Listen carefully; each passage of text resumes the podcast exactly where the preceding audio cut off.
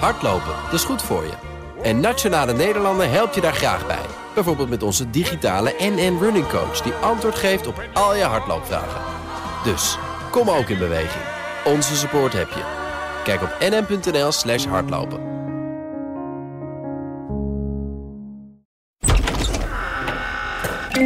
Nieuws van Den Haag? Nee, dat is Nee. verkeerd. Studio Den Haag. Ik wen nog niet aan die naam. Studio Den Haag van vrijdag 17 februari. Sophie van Leeuwen die was razendsnel met die correctie. Leendert Beekman die kijkt een beetje meewarig. Hoe kan je dat nou fout doen? Ja. Ik ben Mark Beekhuis. We gaan weer gewoon lekker de politiek de week doornemen. En op tafel ligt het boek Supergaaf. Dus dat wordt zo ook heel leuk om daarover... Super... Dan weet je ook meteen dat het over Mark Rutte moet gaan. Daarvoor is eh, Robert Wicht hier in de studio. Gaan we het eh, mee eh, uitgebreid spreken over de taal van Mark Rutte. Maar eerst wil ik even kijken. Hebben jullie gisteravond tot 8 uur toevallig gekeken? Eh, nee. Ik ook niet. Eh, het ging over de nieuwe wet waarin eh, Hugo de Jonge graag wil eh, kunnen. De gemeente wil kunnen dwingen om eh, huizen te bouwen. En dan vooral betaalbare huizen. En ze hadden een wethouder uit de gemeente Wassenaar, van lokaal Wassenaar, met een uitroepteken erachter, Bart Boon. En eh, die ziet er helemaal niks in. Een dwangwet is in principe niet nodig. We zijn in de regio in overleg om afspraken te maken hoe we, de, hoe we deze opgave, de maatschappelijke opgave met elkaar kunnen, kunnen realiseren. En een dwingend, dwingende wet is daar niet per se voor nodig. Dus u onderschrijft het doel, maar de dwang liever niet. Precies. Volgens Wassenaar komen ze er met afspraken in de regio onderling ook wel uit. En toen dacht ik, dit is volgens mij het bewijs dat die dwangwet nodig is. Dit is de gemeente Wassenaar die zegt, nou, ze hoeven ons niet te dwingen, want je kan het ook wel bij de buurgemeente regelen. Ja, doe maar alle betaalbare woningen in Den Haag. Wij in Wassenaar hoeven dat niet per se te doen. Toch? Ja, deze meneer die bewijst dat die wet eh, waarschijnlijk nodig is voor in elk geval de gemeente Wassenaar. Ja, en dat zal wel- Aardenhout. en Maar het is niet alleen de gemeente Wassenaar. Nee, maar daar hadden ze Waarschijnlijk gaan, van ja, het was natuurlijk lekker makkelijk. Ook een, lekker dicht bij Den Haag. Dus eh, Ja. je bent er zo. Ehm, wat doet deze wet? Betaalbaar wonen. Waar hebben we het dan over? Dan hebben we het over 30% minimaal sociale huurwoningen. En eh 40% betaalbaar bouwen. Wat en is dan- betaalbaar eigenlijk? Ja, betaalbaar is eh, huur tot 1100 euro. En koop tot 355.000 euro. Zo, Ja, kan dat nog? Bestaat kan het dat nog? Ja, het probleem daar, dat vroegen wij ook Volgens mij kan ik dat niet betalen. Precies. Ja, we hadden ook een. eh, eh, Jullie wonen allebei in Amsterdam. We hadden een technische briefing. Want dan heb je hebt een beeld bij een betaalbare woning. Want jij hè? was bij de presentatie op het ministerie van Hugo de Jonge. Ja, we kregen eerst een technische briefing van ambtenaren. En vervolgens schoof Hugo de Jonge ook aan. En je hebt een beeld bij een betaalbare woning voor de middenklasse. Dan denk je namelijk gewoon aan een rijtjeshuis. En, eh, ja, en met 355.000 euro kan je dan in Groningen wel uit. Dan kan je, rustig, dan kan je misschien zelfs wel een twee onder Klein één kap boerderijtje kan je verbouwen. maken. Ja, zeker. Eh, maar in Amsterdam heb je daar een twee-kamer appartement voor. eh, met een beetje geluk. Dus ja. Het beeld van wat krijg je nou eigenlijk op het moment dat je betaalbaar gaat, wo- gaat bouwen hè, voor die middenklasse. Dat is niet helemaal duidelijk. Maar hier gaat het natuurlijk over de sociale huurwoningen. En wat. Eh, maar 40% van de Nederlandse gemeenten voldoet aan de 30% sociale huurwoningen. in de totale capaciteit van het aantal beschikbare woningen Ik in de durf te gemeente. gokken dat Wassenaar daar niet aan voldoet. Nee, dat zijn eigenlijk gewoon de steden. Ja. En dus daardoor is de, de druk op de steden is ook ontzettend groot. Ja. En eh, daarbij komen ook natuurlijk andere problemen komen daarbij om de hoek kijken. Want mensen met een sociale huurwoning, eh, daar hangt eh, andere problematiek omheen. Jeugdzorg, eh, slechtere gezondheid en ook wel positieve dingen. Maar en daar heeft zo'n gemeente wel mee te maken. Dus Daar de heeft lastendruk wordt groot. Geen zin in. Nou, de- nu wordt Hugo de Jonge zegt eigenlijk dat is oneerlijk. Wij moeten weer, net zoals dat vroeger gebeurde, moeten we gaan spreiden. En g- vroeger gebeurde dat ook in steden. Ze zorgden ervoor dat op het moment dat er gebouwd werd, of het nou in de binnenstad was of in buitenwijken, dat er een bepaald percentage sociaal was, zodat je niet ghettovorming kreeg, om het even heel overdreven te zeggen. Maar nu de VVD en hoe heette de lokale partij ook alweer? Eh, Lokaal eh, Wassenaar, Lokaal. Wassenaar, waarvan ik eigenlijk zeker weet dat het een afsplitsing is van de, van de VVD. Ja, Want het is daar eh, een paar jaar geleden flink fout gegaan. Uit de VVD zijn geloof ik drie splinterpartijtjes voortgekomen. Ehm, maar de VVD zegt nu ook landelijk, ja, de groot, woordvoerder namens de VVD. Ja, dat willen we helemaal niet. Dwang sociale huurwoningen. We gaan ghetto-vorming in gemeenten gaan we zo stimuleren. Ja, het wordt allemaal wel erg aangezet. Het komt er Is het een verkiezingsperiode dat het nu eventjes zo uit, uit, uit hand Ja, loopt? Want ik zag ook hele boze tweets van bijvoorbeeld de ChristenUnie, van het CDA, die de VVD Ja, dat ging voor de de- rotte vis uitmaakt. Ja, dat kan. Er zit nog iets. Er zit een ander element zit erin. En dat gaat over de, de groepen die voorrang krijgen. En dan man- mantelzorgers, maar ook ex-sekswerkers, eh, ex-gedetineerden. krijgen voorrang bij de toewijzing van die sociale huurwoningen. Sekswerkers krijgen voorrang bij... Ex-sekswerkers. Oh, ex- als je stopt als sekswerker, dan krijg je een huis. Nou, dan krijg je niet een huis, dan krijg je voorrang bij de toewijzing van een, eh, van een sociale huurwoning. Serieus, wat een rare prikkel dat Gewoon je mensen e- eerst de Nou, prostitutie injaagt, zodat ze daarna eh, makkelijk een huis kunnen er krijgen. is, Of een sabbatical nemen. Ja, precies. maar mensen, eh, dat is eigenlijk best wel logisch. Ja, ook toch. Ja, want eh, sekswerkers en dus ook ex-sekswerkers hebben ontzettend veel moeite om een woning te krijgen. Ze krijgen geen hypotheek, want ze worden niet gezien, ondanks dat ze het wel zijn, als volwaardig ondernemer, Mhm. ZZP'er. Ja. En eh, in de private sector willen heel veel huisbazen eh, ze niet huisvesten omdat ze bang zijn dat ze thuis gaan werken. Ik zou ze gewoon in Wassenaar een huis aanbieden. Ja, precies. In een grote villa. Nee, dus, ehm, en, en daar was de ChristenUnie heel boos over. De ChristenUnie, Pieter Grinwis zegt dan gewoon... eh, ben je een mantelzorger? Eh, de VVD zegt, zoek het maar uit. Ja. Hè, de, de- Het klonk echt alsof ze ruzie hebben met elkaar. Nou, ja, In de eh, coalitie. Functioneel ruzie dit. in de campagne. Ja. Ja. maar is dit een Ja. campagne of is dit iets over? Want ik ben natuurlijk altijd op zoek naar dat de regering uit elkaar valt, dat weet je. Eh, of is het iets structurelers? nou, ik snap eigenlijk niet zo goed. Want de VVD doet net alsof eh, we nu dorpen gaan om, om katten naar ghetto's. Hè, want even, ik zeg, het zegt gewoon Ja. eventjes heel scherp, zet ik het neer. Dat de ghetto's niet in de stad, maar in de dorpen terechtkomen. Het is eigenlijk toch hè, best wel redelijk dat je op het moment dat we zijn, we zitten nu in Amsterdam, maar de grote steden, ja, die doen hun best. het- die, zij doen hun best. Zij hebben hun sociale woningbouwvoorraad op orde. Dat je tegen, eh, tegen kleine gemeenten zegt, u moet ook uw bijdrage We leveren. hadden vanochtend de wethouder van Amsterdam eh, wonen aan de lijn. Dat is zie je, Reinier van Danzig, D66. Die was heel blij met deze wet. Die zei, ja, wij voldoen er al aan. Tuurlijk, want in de regio lossen we het wel op. Dat betekent in de praktijk in de grote stad. Ja, dus eh, ja, die was in zijn nopjes. Ja. ik heb het ook Ik gezien. heb toch een fragmentje van Hugo de Jonge zelf liggen. Heeft hij nog iets interessants gezegd? Even luisteren? Ja, nou, deze wet helpt om eh, regie te voeren op hoeveel we bouwen en voor wie we bouwen en waar we bouwen. En dat is heel erg belangrijk. Kijk, natuurlijk, daar maak ik nu al afspraken over in de regionale woondeals en dat gaat goed. Eh, maar eh, stel je nou voor dat een gemeente of een provincie dat bijvoorbeeld niet zou willen, ja, dan heb je toch een instrument nodig om daar beter op te kunnen sturen. Eh, die stok achter de deur, die heb je dan wel echt nodig. En, en die brengt deze wet. Dus het meer sturen op hoeveel je bouwt en voor wie je bouwt en waar je bouwt. Dat is eigenlijk de kern van dit wetsvoorstel. ja, en het wetsvoorstel komt natuurlijk voort. En dat heeft Hugo de Jonge in debatten en ook voor de microfoon al honderd keer herhaald. Het doorgeschoten eh, marktdenken. Hè? Dus de markt lost de problemen uit zichzelf wel op. Daar geloven we niet meer in. Maar we gaan nu wel echt de andere kant op hoor. Want aan de ene kant wordt er dus gezegd voor wie en wat we moeten bouwen. Maar het Rijk wil ook ingrijpen op het moment dat er een geschil is. Bijvoorbeeld tussen provincie en gemeente. Als de gemeente zegt we willen een stukje in het groen bouwen. De provincie is het aan tegenhouden. Dat dan uiteindelijk Hugo de Jonge, als het allemaal te lang duurt, kan zeggen: ik grijp in. Ja, maar blijft dit nou rommelen tot 15 maart of blijft dit daarna ook nog rommelen? Nou, ik denk eigenlijk dat eh, op dit moment. eh, het, het lijkt ondertussen een beetje te gaan over daadwerkelijk provinciale onderwerpen. Maar dat, Bij de provinciale eh, verkiezingen. Ja, bij de provinciale Nou, nog verkiezingen. over waterschapsthema's. ja, maar dat eh, op dit moment eh, stikstof ondertussen gaat echt, zag ik gisteren ook in het debat over het vestigingsklimaat. Er gaat echt een thema van gemaakt worden. We willen natuurlijk CDA en VVD willen het daar niet over hebben. En migratie, nou is migratie aan zich geen provinciaal onderwerp, maar wel die spreidingswet. Want daar moet de provincie moet daar invulling aan geven. En welke gemeente gaat hoeveel op, eh, opvangen.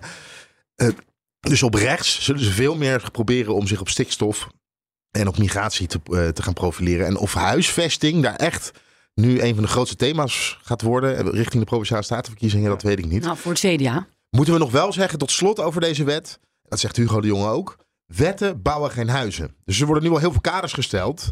Ja, maar het is wel het, is wel het geval. Dus Dus je is kan... een verhaspeling van een... eh, in, woorden kan je niet wonen, toch? Precies, Van Dat- PvdA van lang geleden. maar dat klopt. Ehm, maar wat, wat Hugo de Jonge nu wil doen, is ervoor zorgen dat er zo snel mogelijk een stuk grond beschikbaar wordt gesteld om te gaan bouwen. Of het nou een coöperatie is of een projectontwikkelaar. En, en met duidelijke kaders, wat moet er dan gebouwd gaan worden? Maar zeker voor, voor, de, voor, voor een projectontwikkelaar die uiteindelijk een zakcentje aan moet gaan verdienen, eh, wordt het nogal lastig bouwen. Ja. Want ja, eigenlijk verdienen ze alleen maar op dat twee derde waarin ze vrij kunnen bouwen, eigenlijk gewoon grote appartementen. Ja, en of je dan in deze tijd nog uit kan komen met alle bouwkosten, stikstofmaatregelen, nou, noem het allemaal maar op. We kennen de tegenwind. Ja, dat is nog maar de vraag. Dus het is ook niet het ei van Columbus. Wat vinden we trouwens eigenlijk van de, de, reto- de retoriek van eh, Hugo de Jonge? Oh, dit is een heel mooi bruggetje naar het boek wat ik net van tafel oppakte om het even vast te houden. Het boek van Robert Wicht. Welkom. Dankjewel. Eh super gaaf, weet het. Eh, de overtuigende taal van Mark Rutte. Eh, misschien maar eerst even die ondertitel dan. Is het ook echt overtuigend? Want ik hoor hem altijd trucjes doen en weglopen en wegdraaien bij betekenissen. Ik heb altijd het idee, de man die houdt zich wel staande, maar hij overtuigt niet. Ja, interessant. Ehm, kijk, taal in de politiek is heel vaak om te overtuigen. Omdat in de politiek eh, draait het daarvoor een groot deel om. Er moeten kiezers overtuigd worden en eh, eh, Kamerleden. Ehm, en ik heb gewoon gekeken naar welke keuzes Rutte maakt om eh, ehm, een discussie in het voordeel van zijn standpunt te laten verlopen. Welke talige keuzes, welke argumentatieve keuzes hij Nou, maakt. eens, wat voor soort dingen doet hij? Wat is nou echt typisch Mark Rutte?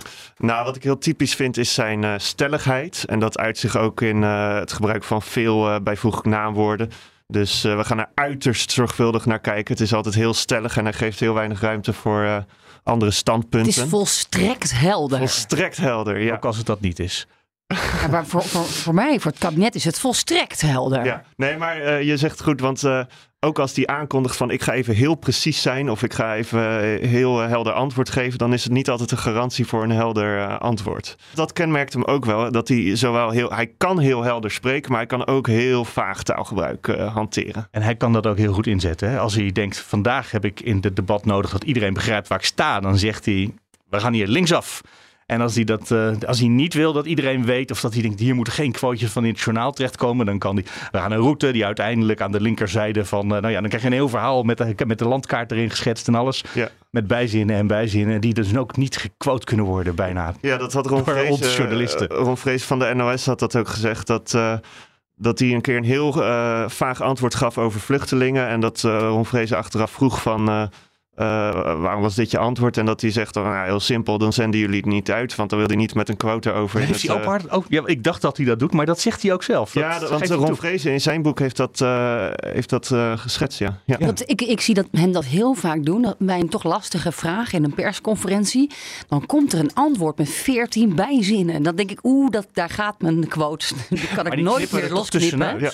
Wij, wij- zijn toch heel behendig met de audio-editor en dan halen we toch gewoon al die Nee, bijzinnen er tussenuit. ja, en dan zit ik te luisteren en denk ik, oh, nu wordt het echt, nee, nu wordt het echt onmogelijk om dit antwoord te formuleren in een nieuwsbericht of zo. Het is een talent, hè? Dat is, ik bedoel, Ja, je kan heel er erg kritiek op hebben, maar het is ook een talent. Ja, Ja. Kan heel lang over een aspect praten. Dus stel hem een vraag, dan kan hij dat opdelen in heel veel aspecten.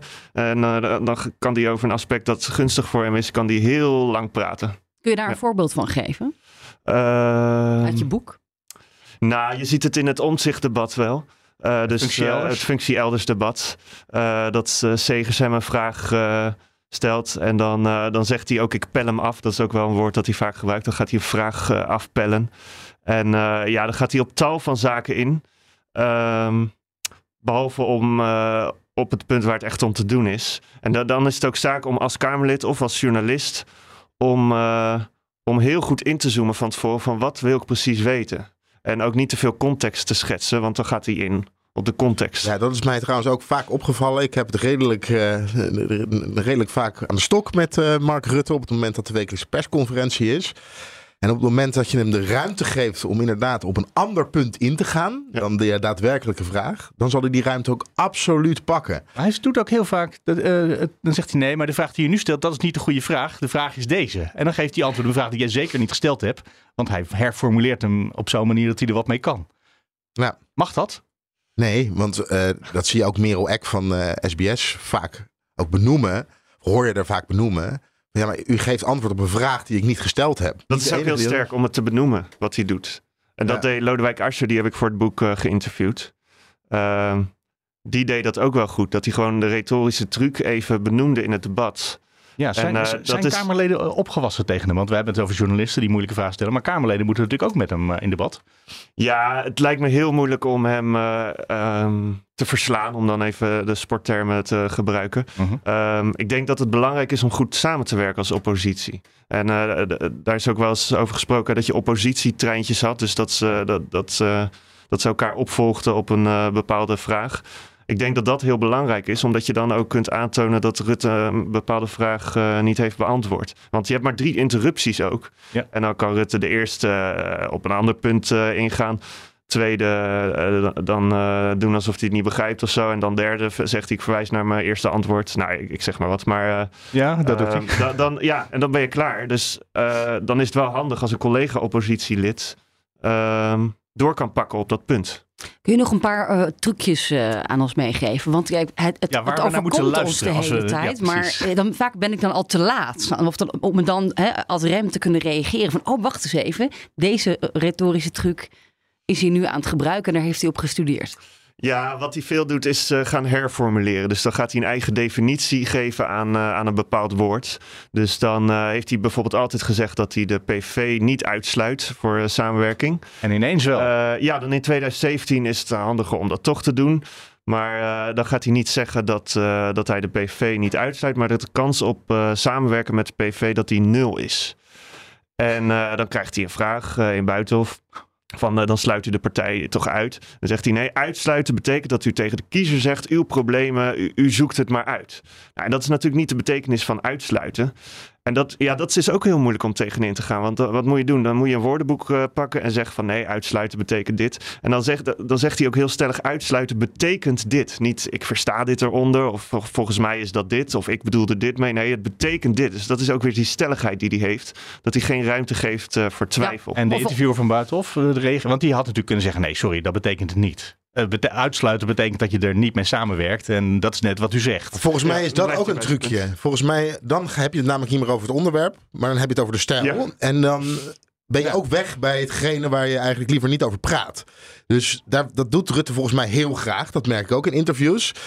Is eh, hij pakt een elementje uit je vraag. Of eh, bijvoorbeeld een, feit, een, een kleine feitelijke, feitelijke onjuistheid. Oké, maar dan moet je het daar grijpt hij dan op in. ja. En op het moment dat je hem daar dan weer op wijst. Van nou, maar u, u gaat nu hierop in. Maar dat was mijn vraag eigenlijk niet. Dan Ja. zegt hij ja, maar dat is wel belangrijk om het te kunnen.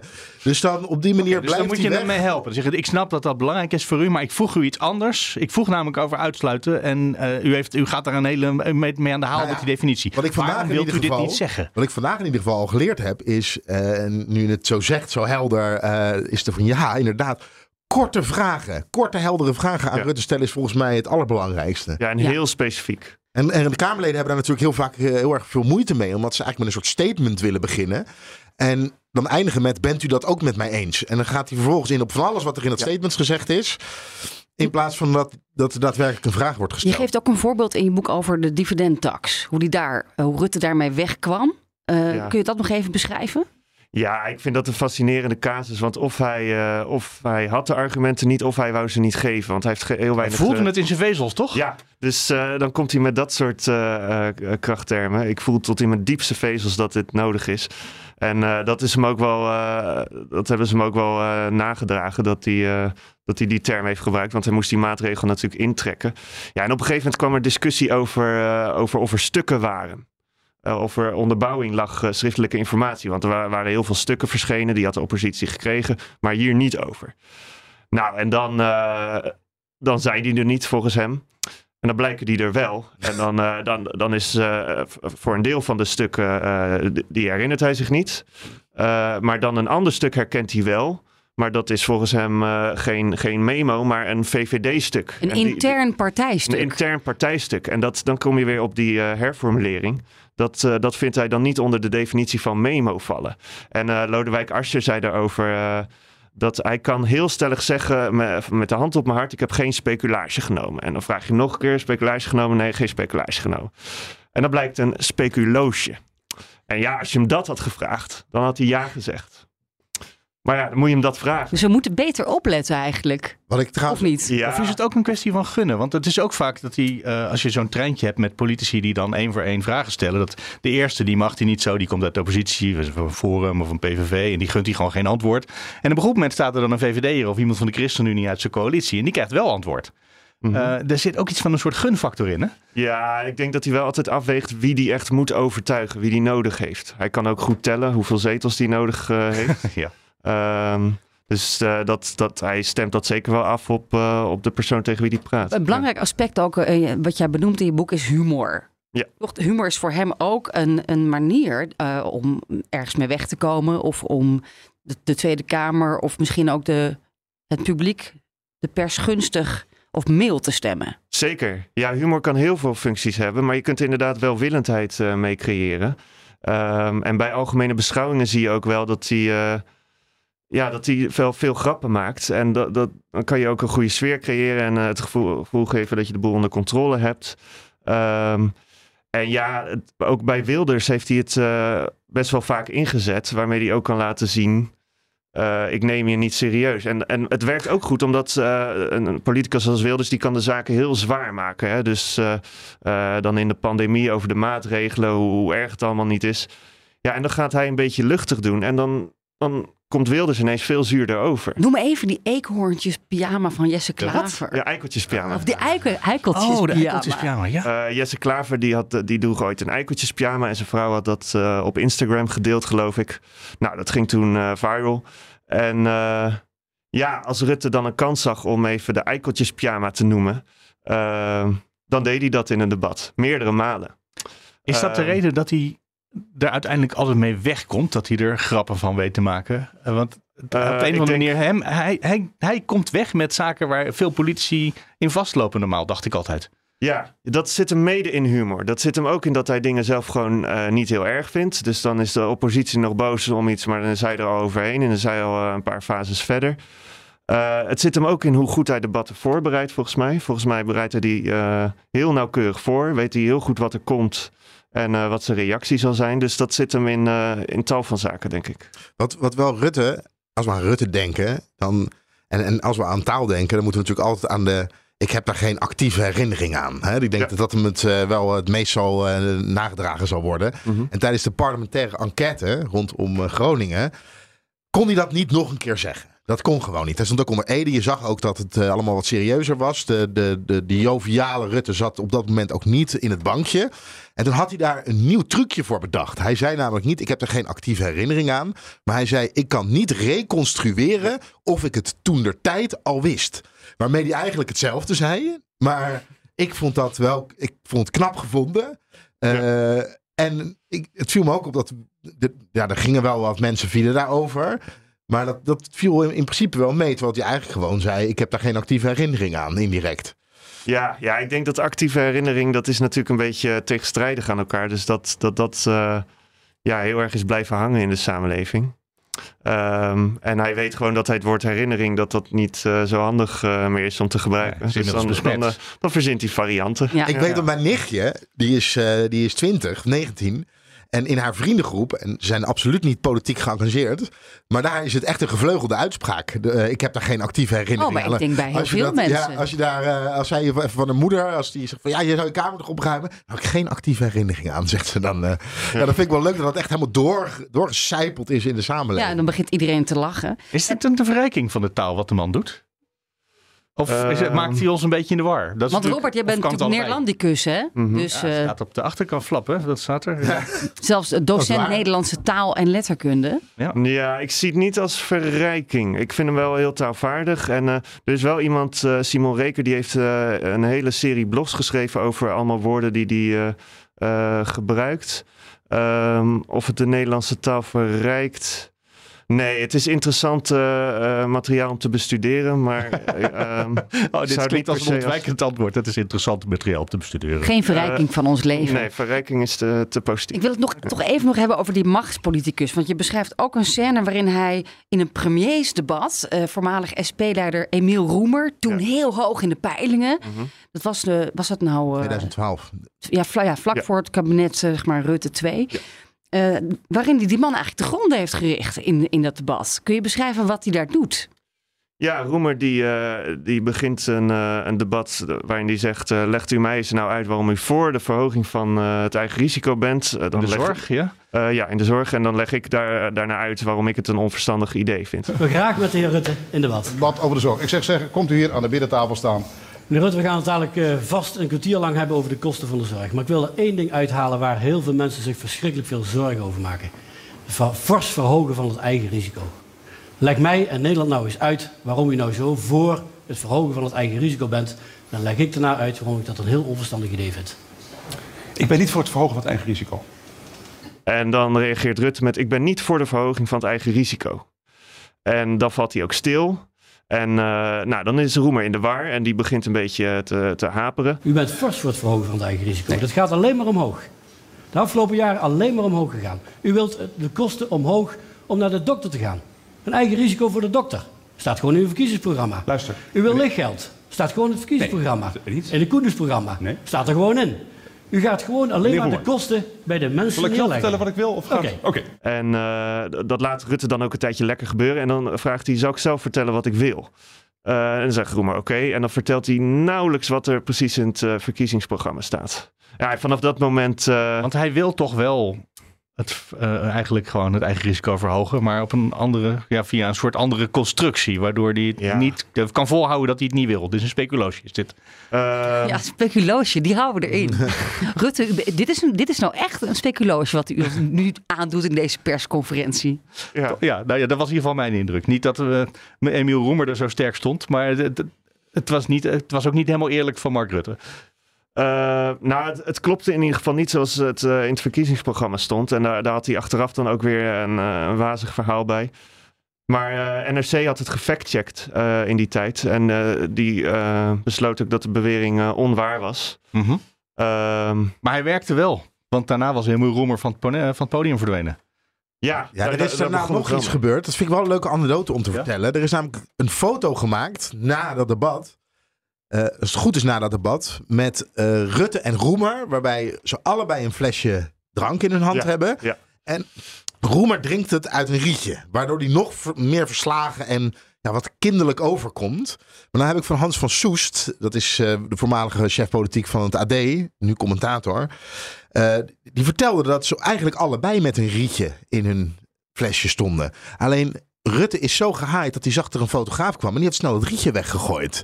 Waardoor er, er uiteindelijk een foto gemaakt werd met één man zuigend aan een rietje. En de ander als een volwassene hè, met een flesje. Drinkt gewoon uit het flesje.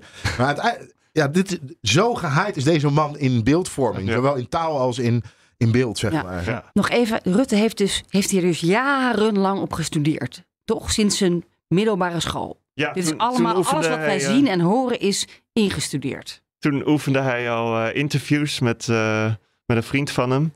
En eh, ja, hij kijkt ook veel debatten uit de Engelse of Amerikaanse cultuur. Ehm, hij heeft heel veel ervaring en hij weet volgens mij ook gewoon hoe belangrijk eh, het debat en het interview is om, eh, om politiek te overleven. Want eh, als een debat of interview niet lekker loopt, dan kan heel veel ruis en heel veel onrust door ontstaan. Maar Rutte weet er juist voor te zorgen dat zaken in zo'n debat of interview weer met een sisser aflopen en dat het weer voorbij is. Dus ik denk dat hij gewoon weet hoe, hoe belangrijk onderdeel van politiek het is. Het boek heet Supergaaf en het is geschreven door Robert Wicht. Het ligt inmiddels in de boekwinkel, hè? Nou, rennen naar de boekwinkel. Eh, ik weet niet of we dat op de radio mogen zeggen, maar we zetten inmiddels al in het stuk wat alleen in de podcast komt. En volgens mij mag het al wel. Ik vond het echt Dankjewel. smullen. Maar ik moet het nog even dit weekend uitlezen, want ik had het hoofdstuk over functie elders nog niet, eh, nog niet af. Oké. Ja, de bedoeling is dus, Leender, dat wij eh, dit boek gebruiken, die analyse van Rutte's retorica, of retoriek, om beter dus te luisteren en, en daarmee eigenlijk het democratische proces te versterken of te bevorderen. Ja, niet alleen wij politieke verslaggevers of jullie politieke verslaggevers, maar ook de rest van Nederland zou. Eigenlijk moet iedereen het boek, eh, Ja. denk ik, eh, gebruiken om hem beter te controleren of te lezen. Van, ja. Ja, en alle politici, om te horen wat er gebeurt. Het is een interessant boek. dus eh, ik, ik ben benieuwd of ik er iets... Ik denk dat ik er wel iets aan heb, Kort. eigenlijk. Ik wel. Korte vragen stellen. Ja, dus Dat jij gaat. Ja, dat is sowieso iets wat voor jou waar is. Ja. Ja. En heb je misschien een korte vraag over eh, het leenstelsel? Het leenstelsel. Oh, dat is deze week door de Kamer gegaan. Dat was wel een historisch momentje. Ja, maar ik Ehm, heb een de fragmentje beurs meegenomen. komt terug. Het basisbeurs, ging over ja. de basisbeurs. Eigenlijk was het debat een soort losse vlodder, want we wisten al precies wat de uitkomst zou zijn.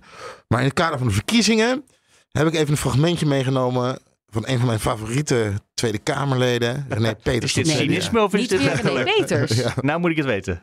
Meneer Peters. Onderwijs is in zijn bedoeling verheffing en emancipatie.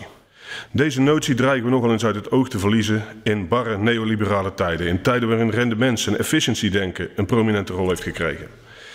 En in dat liberale denken past het leenstelsel. Onderwijs als investering in jezelf met als beloning straks een hoger salaris. In dat liberale denken was het leenstelsel zo gek nog niet. Een investering die loont, Geld dat geïnvesteerd wordt in hopelijk beter onderwijs. Meer waar voor je geld dus. En dat onder gunstige voorwaarden. Eén op papier, goede business case dus.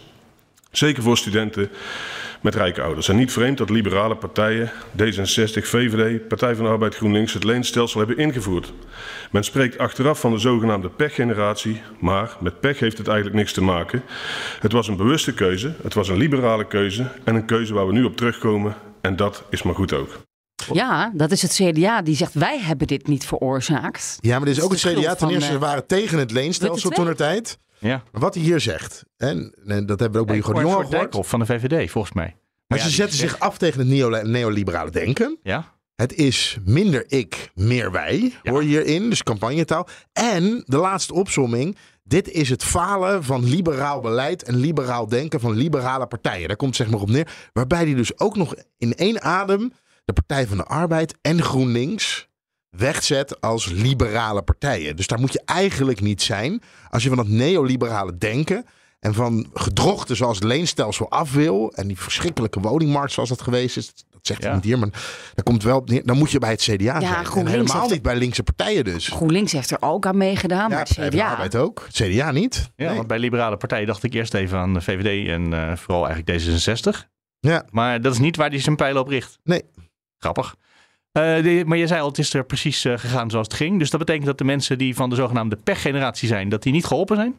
Nou, ze krijgen een hele, een hele kleine ja. toe, toelage. Krijgen Ja, ze. ge- ongeveer 14 10 iets meer dan 1400 euro. 10% van hun eh, schuld, toch? Of zoiets. Ja, dus dat, niet- eh, iets nog minder zelfs. eh, van gemiddelde Maar schuld. zoals eh, Robert Dijkgraaf, hè, de minister, de onderwijsminister, zei ook eh, op BNR deze week. Zij krijgen gratis kinderopvang. En daar moet ben je ik. maar wel toevallig kinderen hebben. Ja, oké. maar stel je voor, eh, dat, heeft, dat kost mij ook een ton of zo. Dat is wel meer dan een studieschuld. Nicky Pauverwij van Ja 21 had wel twee hele interessante opmerkingen tijdens het debat. Ten eerste over de opmerking van, het kind, van de kinderopvang. En er werd ook door René Peters gezegd van ja, sommige mensen, de, de- oh, toen de AOW ingevoerd werd, had je ook een generatie.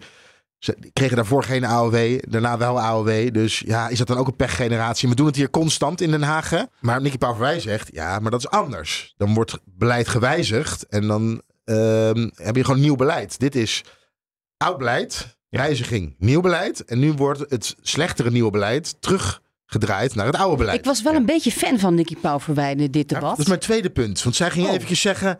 Ja, dat gelul over die eh, studieschulden van eh, een halve ton tot meer... dat is niet allemaal de schuld van het leenstelsel. Nee, maar de eerste 25.000 euro wel.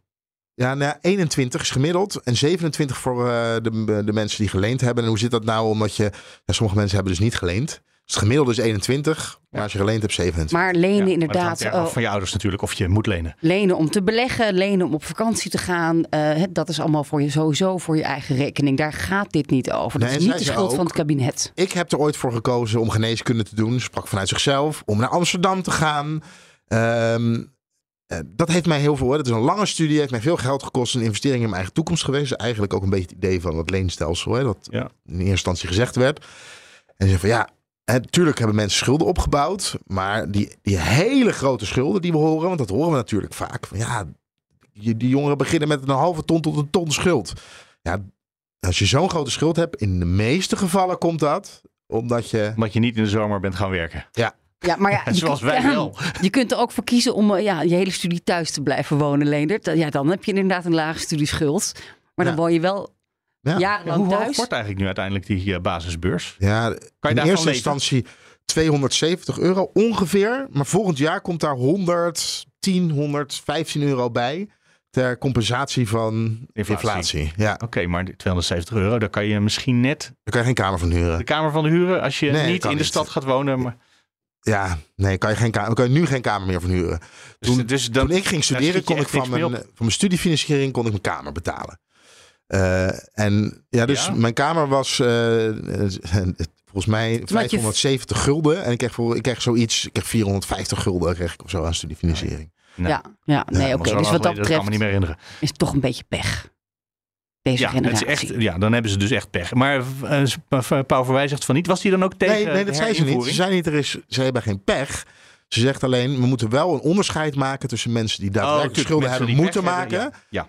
En de schulden, de, de, de hoge schulden die gekomen zijn omdat er gewoon andere keuzes gemaakt zijn. Hè? Omdat mensen keuzes maken om inderdaad in een bepaalde stad te gaan wonen, een lange studie te doen of te beleggen.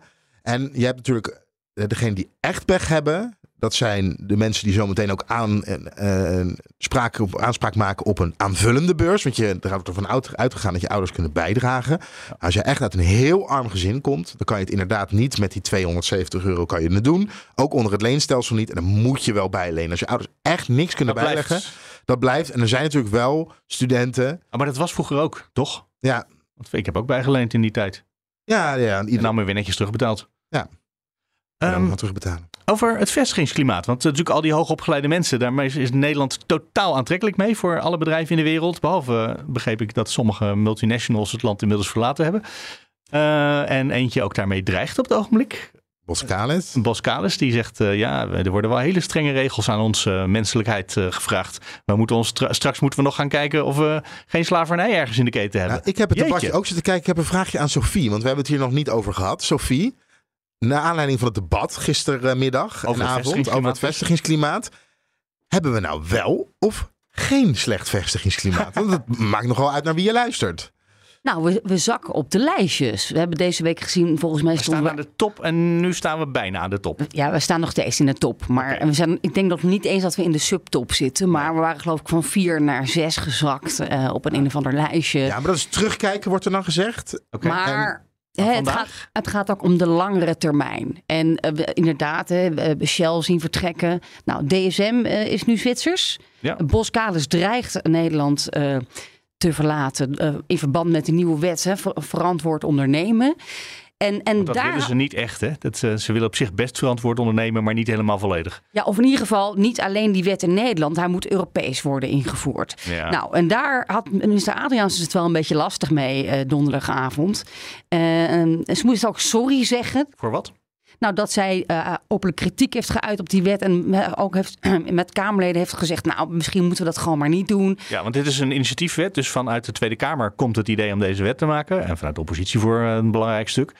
Ehm, Daar is waarschijnlijk... De, coalitiepartijen zoals CDA en VVD willen dit niet. Want Nee. je moet Europees eh, eh, samen optrekken... en niet in Nederland in je eentje heel erg duurzaam... en eh, verantwoord maatschappelijk gaan ondernemen. en deze minister had eh, tegen in ieder geval de NOS gezegd... eh, dit, eh, dat gaan we echt niet doen. Deze wet was die een, gaat niet halen. Ja, er was echt een persbericht uitgegaan samen met uh, Liesje Scheidemacher.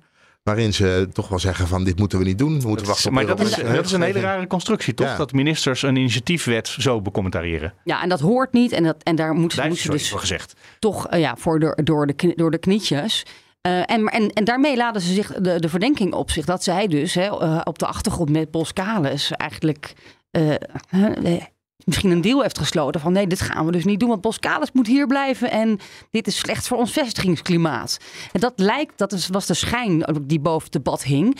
Adriaans dus ontkent dat, hè, dat dat één op één iets met elkaar te maken heeft. Maar de lobby, dat hebben we kunnen zien de afgelopen, ook vanuit VNO-NCW, die was heel hard en groot. Maar ga VWO, eh, VNO-NCW geen lobbyclubje noemen, Sophie. Want dat gebeurde namelijk tijdens het debat. Eh, de, Wat de zei ze woordvoerder, Nou, de woordvoerder Pim... eh, eh, Osterien? ja, die zei... Van de VVD? Van de VVD. Hij, zei, eh, hij noemde eigenlijk gewoon eh, de, de, de VNO-NCW een lobbyclubje. Nou, toen... eh, toen liep- liepen er verschillende Kamerleden richting de interruptiemicrofoon. Waaronder Caroline van der Plas. Want wat is het dan wel? Ja, maar het is, de, het Het is de een belangenorganisatie voor de, voor, voor de, de werkgevers. Maar Het een is de belangenorganisatie die mag niet lobbyen. Ja, er wordt toch onder een andere... lobby- Nee, maar ik ga nu niet zeggen wat ik vind. Hey, wat er vanuit de hebben net Kamer het boek van Mark Rutte gehoord. Ik hoor hier een herdefinitie. Eh, We moeten wel, moeten wel beter opletten ja. nu. D, D66, ook Romke de Jong, eh, stond op om te zeggen... Hey, we kunnen niet VNO-NCW alleen als een lobbyclubje wegzetten. Zij zijn vertegenwoordigers van het bedrijfsleven. Eh, Het is echt heel raar. Ja, 21. Ja, dat, dat kwam. eh, en Caroline van der Plas over verkiezingstijd zei ook van ja, dit is. Hier kunnen we dus zien dat de VVD geen ondernemerspartij meer is. Als je de VNO-NCW gaat wegzetten als een lobbyclubje. Het is de belangrijkste, machtigste lobby in Den Haag. Dat weet iedereen. Zonder te zeggen of het goed of fout is. Kijk, ik denk ook dat er iets voor te zeggen is om eh, Europees op te trekken. Eh, dat was ook een van de eh, aanbevelingen ook van het kabinet. We moeten veel meer Europese regels met z'n allen aanhouden. Anders wordt Maar Nederland een onbetrouwbaar, een onbetrouwbaar land voor bedrijfsleven. Maar kwam En dat Adriaanse Staat dan mee? Die zei nou in Nederland gaan we dit niet doen, want ik ben tegen deze wet. Maar ik wil wel heel hard vechten in Europa om het op Europees niveau te regelen. Ja, dat is natuurlijk ook altijd een trucje om dan Nee, maar te als zeggen, ze we dat- gaan het in Brussel Heeft ze regelen. dat maar gezegd of heeft ze dat niet gezegd? dat, dat staat in een brief van, Ja. dit- al uit oktober van, van Maar daar staat alleen maar in, als je dit regelt, moet je het in Europa doen. Ja. Maar, ze zijn niet, eh, oké, ik snap dat jullie dit in Nederland willen. Dat Nederland is niet zo'n goed idee. Maar ik ga voor jullie vechten in Europa om het daar voor elkaar te krijgen. Of zei ze dat niet? Ik heb haar niet gehoord dat, eh, dat ze ervoor gaat vechten. Want ze, ze Ze is sowieso tegen. Ze is niet, niet echt een voorstander van, van deze initiatiefwet. Maar eh, en in Europa zal er wel een afgezwakte versie komen van hè, deze initiatiefwet. Maar ehm, Europa wil nog wel eens wat feller zijn dan sommige nationale parlementen. Hoe dan ook, eh, Europees optrekken, ook als het gaat om toch stikstof en natuurbeleid, eh, het lijkt mij heel verstandig. Want Stikstof is Europees beleid. Daar minder glazer met de rechter. Ja. Dus in, in het algemeen denk ik dat dat een heel goed idee is. Ja. Om dat eh, tot in het vervolg beter te gaan doen. Geldt ook misschien voor de asielwetgeving, waar we het al wekenlang over hebben in deze eh, podcast. Toch bij het debat. Ja. Ik kreeg heel erg het gevoel van ja, wat wil de Kamer nu eigenlijk? Want we horen dan. Eh, ja, Shell gaat weg. Dat is niet goed.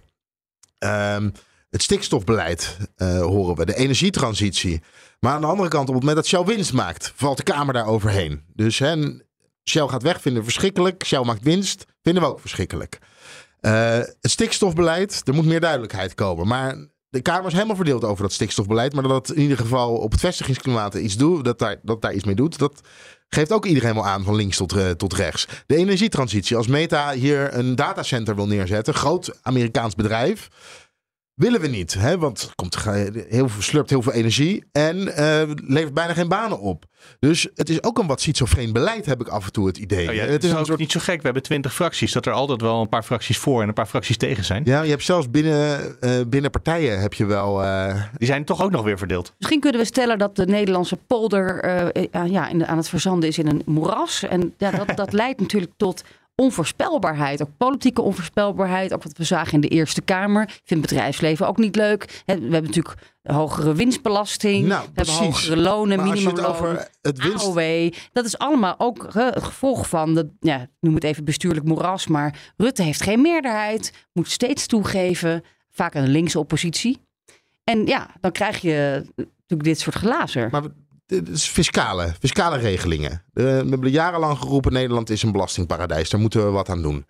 Er komen fiscale. Hè, er is ook echt gekeken van nou, op welke punten zijn we een belastingparadijs? Hoe kunnen we dat aanpakken? En hoe kunnen we ook ervoor zorgen dat bedrijven wat meer belasting gaan betalen?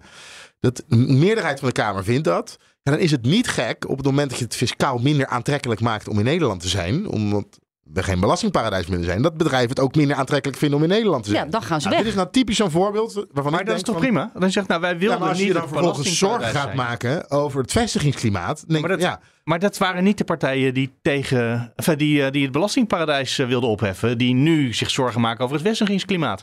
Dat past precies op de oude patroon. Ik bedoel, eerst, eerst hadden we, eh, waren er mensen die zeiden we moeten stoppen met dat belastingparadijs. En nu zijn er andere mensen die zeggen we hebben altijd al gewaarschuwd dat we daar niet mee moesten stoppen. Eh, ik, ja, ik, ik ben minder verbaasd dan jij geloof ik. Ja, nee, dat ben ik met je eens. En nou ja, inmiddels eh, zitten we op, eh, wat is het? 25, zitten we 26,5 procent Oh, dat soort dingen weet hoge ik niet. tarief, Ja, ja, winst, ja. winstbelasting. Nee, wacht, 25,6. Dus ik betaal gewoon als, als, als burger betaal ik meer belasting dan wij nu na het einde van het belastingparadijs. Ja, dat sowieso. En je betaalt ook meer, relatief meer aan je energierekening bijvoorbeeld. Veel meer, ja. Dus, Want we hebben een regressief eh, belastingssysteem voor de energie. maar ook dat, ook, dat, hè, ook dat zijn dingen die, worden die, die, Daar wordt nu over gesproken of dat eerlijk is of worden niet. besproken. Moet er dan hè, relatief een hogere Ja, dat rekening de vervuiler betaald? nou, Deze ik weet nog wel dat een niet, voorbeeld. maar, eh, toch nog even. eh, er wordt gezegd vooral het, dat het beleid niet consistent is. Dat is hè, een van de grote problemen. Dus ook al moeten we meer belasting betalen, maar eerst het tarief omlaag, dan weer omhoog. Uh, maar laten we een voorbeeld nemen met de buitenlandse studenten. Mhm. Zeker op rechts, dus de partijen die zich zorgen maken over het vestigingsklimaat. Zeggen van ja, we moeten daar wel een stokje voor steken. Hè? Um, want uh, onze Nederlandse in, uh, opleidingsinstituten kunnen, de, kunnen het niet meer aan. En we hebben al zoveel mensen in Nederland vanuit het buitenland. Maar daarvan zegt het bedrijfsleven weer: ja, wij hebben, wij hebben ze nodig hè? in de tech-industrie. Uh, wij hebben al die buitenlandse studenten, zeker van buiten de EU. Die hebben wij simpelweg gewoon nodig. En daar, dat bedoel ik nou met. Maar op strijdig zijn aan de mensen die zijn. geen uh, immigratie willen, toch? Ja, maar dan hebben we het even over, gewoon, over het opleiden van kenniswerkers Nou, in die, Nederland. die mensen kunnen toch gewoon naar een universiteit in het buitenland en dan daarna, als ze opgeleid zijn, Ja. hier komen werken met een Ja. vergunning. Nou, een van de redenen waarom het in Nederland het vestigingsklimaat zo goed is, dat heeft met infrastructuur heeft dat te maken. Ja, En dat heeft ook met opleidingsniveau. heeft dat te maken. En op het moment dat je dus aan het opleidingsniveau, hè, dus ook omdat we zelf er niet genoeg van hebben van die beta's, op het moment dat je het lastiger gaat maken om hier in Nederland eh, opgeleid te worden, dan ga je ook wat doen met het vestigingsklimaat. Dus daar moet je wel rekening mee houden op het moment dat je in zo'n debat staat. Dat was mijn gevoel dat ik daar een beetje bij, eh, bij had. Zullen we eens even gaan naar een ander mooi groot thema, de democratie. Oh. van de week was er een debat over een, eh, een motie waar de Kamer eh, unaniem uiteindelijk zei deze. Er, er, ik moet even erg op een andere plek beginnen. Beginnen in Europa is er een plan om een soort DigiD te maken, maar dan voor heel Europa. Ja. Of eigenlijk uiteindelijk wordt het elk land moet zorgen dat de DigiD's uit alle andere landen dat je daarmee kan praten. En eh, de Tweede Kamer zei eh, dat is niet zo'n goed idee, eerst in meerderheid. En toen kwam er nog een tweede motie en die zei eh, er is nu een Europese wet die voor ligt. En als we dit al gaan doen, en unaniem aangenomen, dan niet deze wet, u moet dooronderhandelen. Dus dan denk je, nou ja, de Tweede Kamer is het hoogste orgaan. Maar toen ging mevrouw Van Huffelen, die daarover over gaat, die gaat over digitalisering, die ging naar Brussel en die zei, ja, ik heb een advies meegekregen, want een motie is een advies. En ik vind het zelf eigenlijk een hartstikke goed idee. Eh, dus eh, we gaan gewoon nou, enthousiast hiermee aan de slag. Daar werd van de week een eh, debat over gevoerd, een interpellatiedebat. Wat is dus een wat meer één op één debat is tussen één Kamerlid en één staatssecretaris. En ik ga je gewoon even Renske Leijten horen, laten horen. Het woord is aan mevrouw Leijten. Voorzitter, wat hier gebeurt is echt heel ernstig. Op de dag dat de motie werd aangenomen van eh, mijzelf, die zei niet instemmen en verklaren dat de Nederlandse Kamer niet akkoord is, werd er ook een andere motie aangenomen. Dat is de motie Ceder. De motie Ceder van de ChristenUnie is unaniem aangenomen. En die zegt dat een compromisvoorstel voor het raamwerk van de Europese digitale identiteit onvoldoende waarborgen bevat. Die vraagt de, de onderhandelingen te heropenen. Er staat niet letterlijk niet instemmen. Want mevrouw Leijten schrijft het altijd net iets scherper op dan de heer Seder. Maar er staat eigenlijk niet instemmen. Want er staat heronderhandelen. Dat betekent niet instemmen. En de staatssecretaris staat hier al die lucht te verplaatsen om te zeggen: Ik heb precies gedaan wat de Kamer wil. De Kamer heeft uitgesproken op 30 november dat het onvoldoende was. Ik heb de zorgen van de Kamer overgebracht.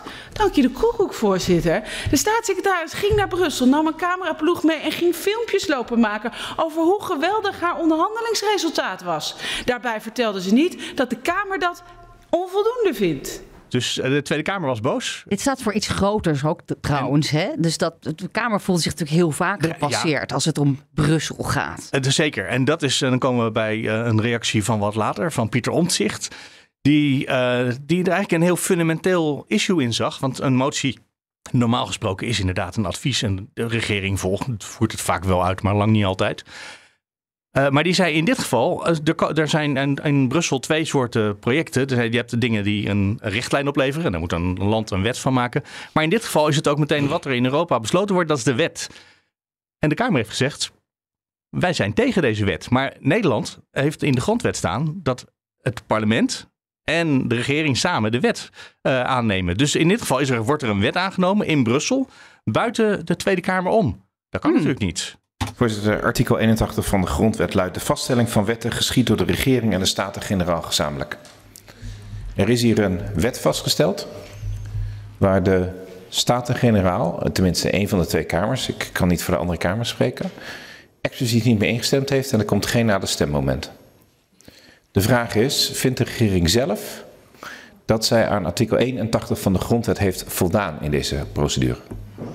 Ja, we kennen natuurlijk in Europa een andere procedure als het gaat over de vaststelling van verordeningen. En de voorzitter van de Raad handelt namens de lidstaten, gegeven waar we nu staan. En mag dan uh, binnen het mandaat instemmen met datgene wat, er, uh, wat de uitkomsten zijn van de triloogfase. Uh, dus ja, dan wordt het niet meer aan ons expliciet gevraagd. Um, maar dit is inderdaad de procedure die samenhangt met die Europese verordeningen. Voorzitter, dat was niet mijn vraag. Ik snap die procedure voor de verordening. Ik snap ook dat je zelfs overstemd kunt worden, want anders zou je overal een veto voor hebben, er komt nooit iets tot stand. Maar de vraag in deze is een andere. De regering heeft expliciet meegeholpen dat een wet tot stand komt tegen de wil van de Kamer in. En dat de regering een andere mening heeft dat die wet goed is en dat ook nog een heleboel andere landen dat ook denken, dus hè, dat kan. Maar de Kamer hier zei deze wet is niet goed genoeg. Heeft de regering in formele zin voldaan aan artikel 81 van de Grondwet dat voor de totstandkoming van wetten de, uh, dat dat geschiet door de regering en de Staten-Generaal gezamenlijk, nu de Staten-Generaal hier niet mee ingestemd heeft? Mijn beeld is dat dat zo is, gegeven het feit dat het inderdaad hier over een Europese verordening gaat. Ja. En dus kwam er een motie van Omtzigt die zei: dan moeten we een nieuw soort uh, motie maken, die niet een advies is, een amenderende motie noemde hij dat.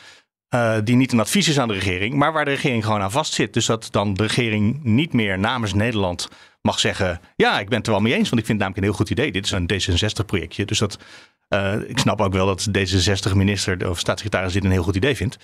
Maar dit is echt, uh, ineens werd dus, er wordt niet naar een motie geluisterd, werd ineens een, zit eigenlijk de democratie wel goed in elkaar? Of kan de regering, buiten alle democratische controle om, wetten maken voor, of instemmen met wetten, want de rest van Europa moet natuurlijk ook meedoen, voor Nederland. Dat is, vond ik een fascinerende wending. Nou, blijkbaar wel, toch? Maar het, Ja, nou ja, Europees parlement, uit, ja. het Europees parlement zitten toch ook Nederlandse vertegenwoordigers? Jazeker, en die zijn overstemd als ze hier tegen waren. Ja. Die zullen voor een deel voor geweest zijn en voor een deel tegen. Uh, maar uiteindelijk is er een. Je hebt natuurlijk eerst de Europese Commissie komt met een voorstel. Dan gaat daarna de, uh, het parlement gaat erover vergaderen. En die zeggen dan ja of nee. Of die zeggen we moeten allemaal dingen veranderen. Uiteindelijk komt het dan bij de uh, Raad van Ministers terecht, dus de Europese Raad.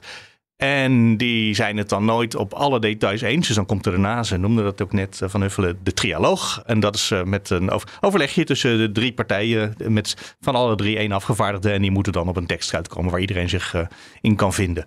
En als die niet al te veel afwijkt van wat er oorspronkelijk in het parlement besproken is, dan zit je eraan vast daarna. Ja, maar er is dus geen stemming meer. Dan is het gewoon, als je een beetje binnen de bandbreedte blijft, ja, dan is de wet ineens uh, veranderd. Ja, wat er ook wel misgaat in Den Haag is dus dat, dat lobbytraject, eh, we hebben het een beetje over lobbyen vandaag, naar, eh, naar de, of de commissie of het parlement toe, of, dat moet dus al veel eerder plaatsvinden. Al jaren van tevoren moet je al dat aanzien komen en daar maar in dit geval had ook iets gewoon van vinden. En, en eigenlijk Ja. ben je dan, nu ben je dus te laat. Ja, in dit geval had ook gewoon de staatssecretaris in Brussel kunnen zeggen: Sorry, mijn parlement zegt dat ik er niet mee mag instemmen. Dat, dat zou ook heel logisch geweest zijn. Ja, met hetzelfde resultaat. Eh, dan zou de wet niet veranderd zijn, want eh, dit is iets waar geen veto op speelt. Dus uiteindelijk zou Europa er gewoon toch doorgegaan zijn met het project. Maar dan zou het democratisch correct verlopen zijn. Ik Ja. denk wel toch. Ik denk dat Omzicht hier een punt heeft. Ja, en dat de D66-staatssecretaris misschien het zelf wel een heel goed idee vindt. Zeker, nee, de staatssecretaris vindt het een heel goed idee. En die zei ook, er waren allerlei inhoudelijke bezwaren. En daar hebben we over onderhandeld in Brussel. En dat hebben we, hebben we allemaal binnengehaald. Dus ik dacht eigenlijk dat u nu wel stond te juichen. Dat zei ze niet, maar daar kwam het wel op neer. Ja, maar ze is er wel mee weggekomen van Huffelen. Nou ja, je hebt er net gehoord praten. Ze heeft het talent wat Mark Rutte ook heeft. Hele lange ingewikkelde zinnen zeggen waar je aan het eind, als je niet precies hebt opgelet, niet precies weet wat het daar betekent. En eh, ja, mijn beeld is dat we wel binnen de grondwet zijn gebleven. Uiteindelijk kwam er ook nog wel, nou ja, ik wil nog wel een brief over schrijven, dan kom ik op terug. Eh, maar het, het is, eh, nee ja, het praten met mevrouw Van Uffelen. Dat was ook met het, eh, het Groningen-project. Daar zijn ze natuurlijk heel lang verantwoordelijk geweest. Nee, niet voor Groningen. Toeslagen. Voor de toeslagen-schandaal, om daar de compensatie voor te regelen. Daar zijn ze heel, lang verantwoordelijk voor geweest. Praten met mevrouw Van Huffelen heeft niet zoveel zin. Die gaat gewoon door met wat ze aan het doen is. Is dat hard als ik dat zeg? Ja, het is wel hard, hè? ja. Maar dat is wel echt mijn beeld van haar. Ja, ze Ik denk het, dat ze een eh, hele goede topambtenaar is geweest. Het boek super gaaf ook gelezen. Ja, ja, zeker. Ik denk dat ze heeft heel lang natuurlijk gewerkt in de Haagse omgeving. Maar die laat zich in ieder geval niet, eh, niet makkelijk afleiden van wat ze van tevoren bedacht had dat ze gaat doen. Net als Mark Rutte. Misschien moeten we nog even naar, naar iets leuks eh, aan het einde van deze podcast. Iets leuks aan het einde, maar niet van Leendert. Nee. Nee, van Nee, Emiel ik- Roemer. Van Emiel, Emiel en de Emilicus. Een carnavalskraker. Maar ik zit te denken. Ja. Iedereen die iets met eh, carnaval heeft, die zit vandaag niet naar deze podcast te luisteren. Maar goed. Nu heb ik een oplossing daarvoor. Sta ik op pleinen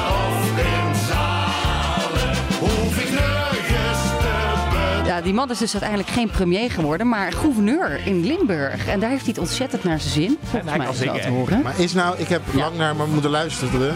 Ja. Is de tekst nou, als ik Emiel ben, dan krijg ik gratis pils of zo? Eh, Twee miel. Ja, zijn, zijn er een paar Emiels in, deze, in dit muziekgezelschap. dus één Emiel, twee Emiel. Ah, nu heb ik nog wel iets leuks te vertellen. De- Eh, ik zou dit kunnen uitveden als ik dat zou kunnen. Eens even kijken of dat kan. Ja, Voor alle nu-. Ja. Nu snap ik ook een grapje eh gisteren gemaakt bij de, nou door Hugo de Jonge naar zijn woordvoerder. Komt uit Limburg.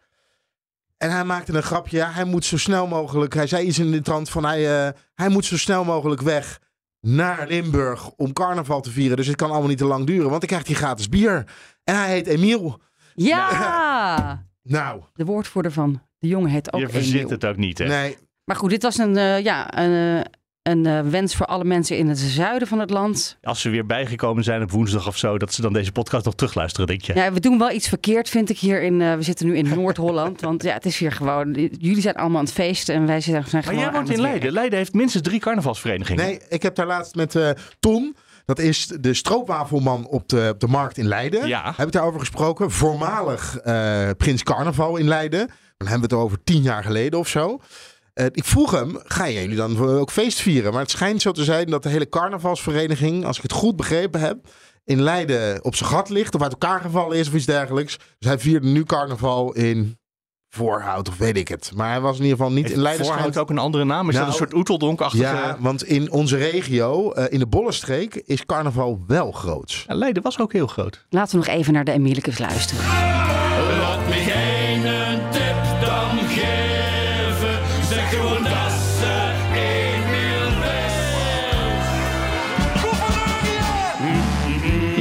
Komen aan het einde van eh, Studio Den Haag voor vrijdag de 17e.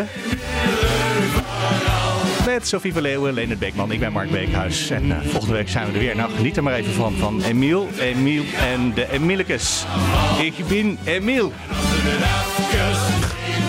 Maar als, als dit dan kan, hè, met carnaval, richting Leidens Ontzet, kan ik dan ook de muziek van, eh, vanuit eh, ja, mijn feestje meenemen? Nee, dan moet je eerst moet je Rubberen- premier geweest zijn. Rubberen Robbie, bijvoorbeeld. Nee, maar Rubberen Robbie is toch geen politicus? Dit is een politieke podcast. Barry Badpak. Die is geen politicus. Kunnen we inbellen met Barry Badpak? Als hij zich verkiesbaar stelt en in de raad komt in Leiden, gaan we het erover hebben. Ik geloof dat ze ooit gespeeld hebben met het idee om een politieke partij te beginnen. Nou, Ja, ja, ja, ja, ja. Alava, jongens.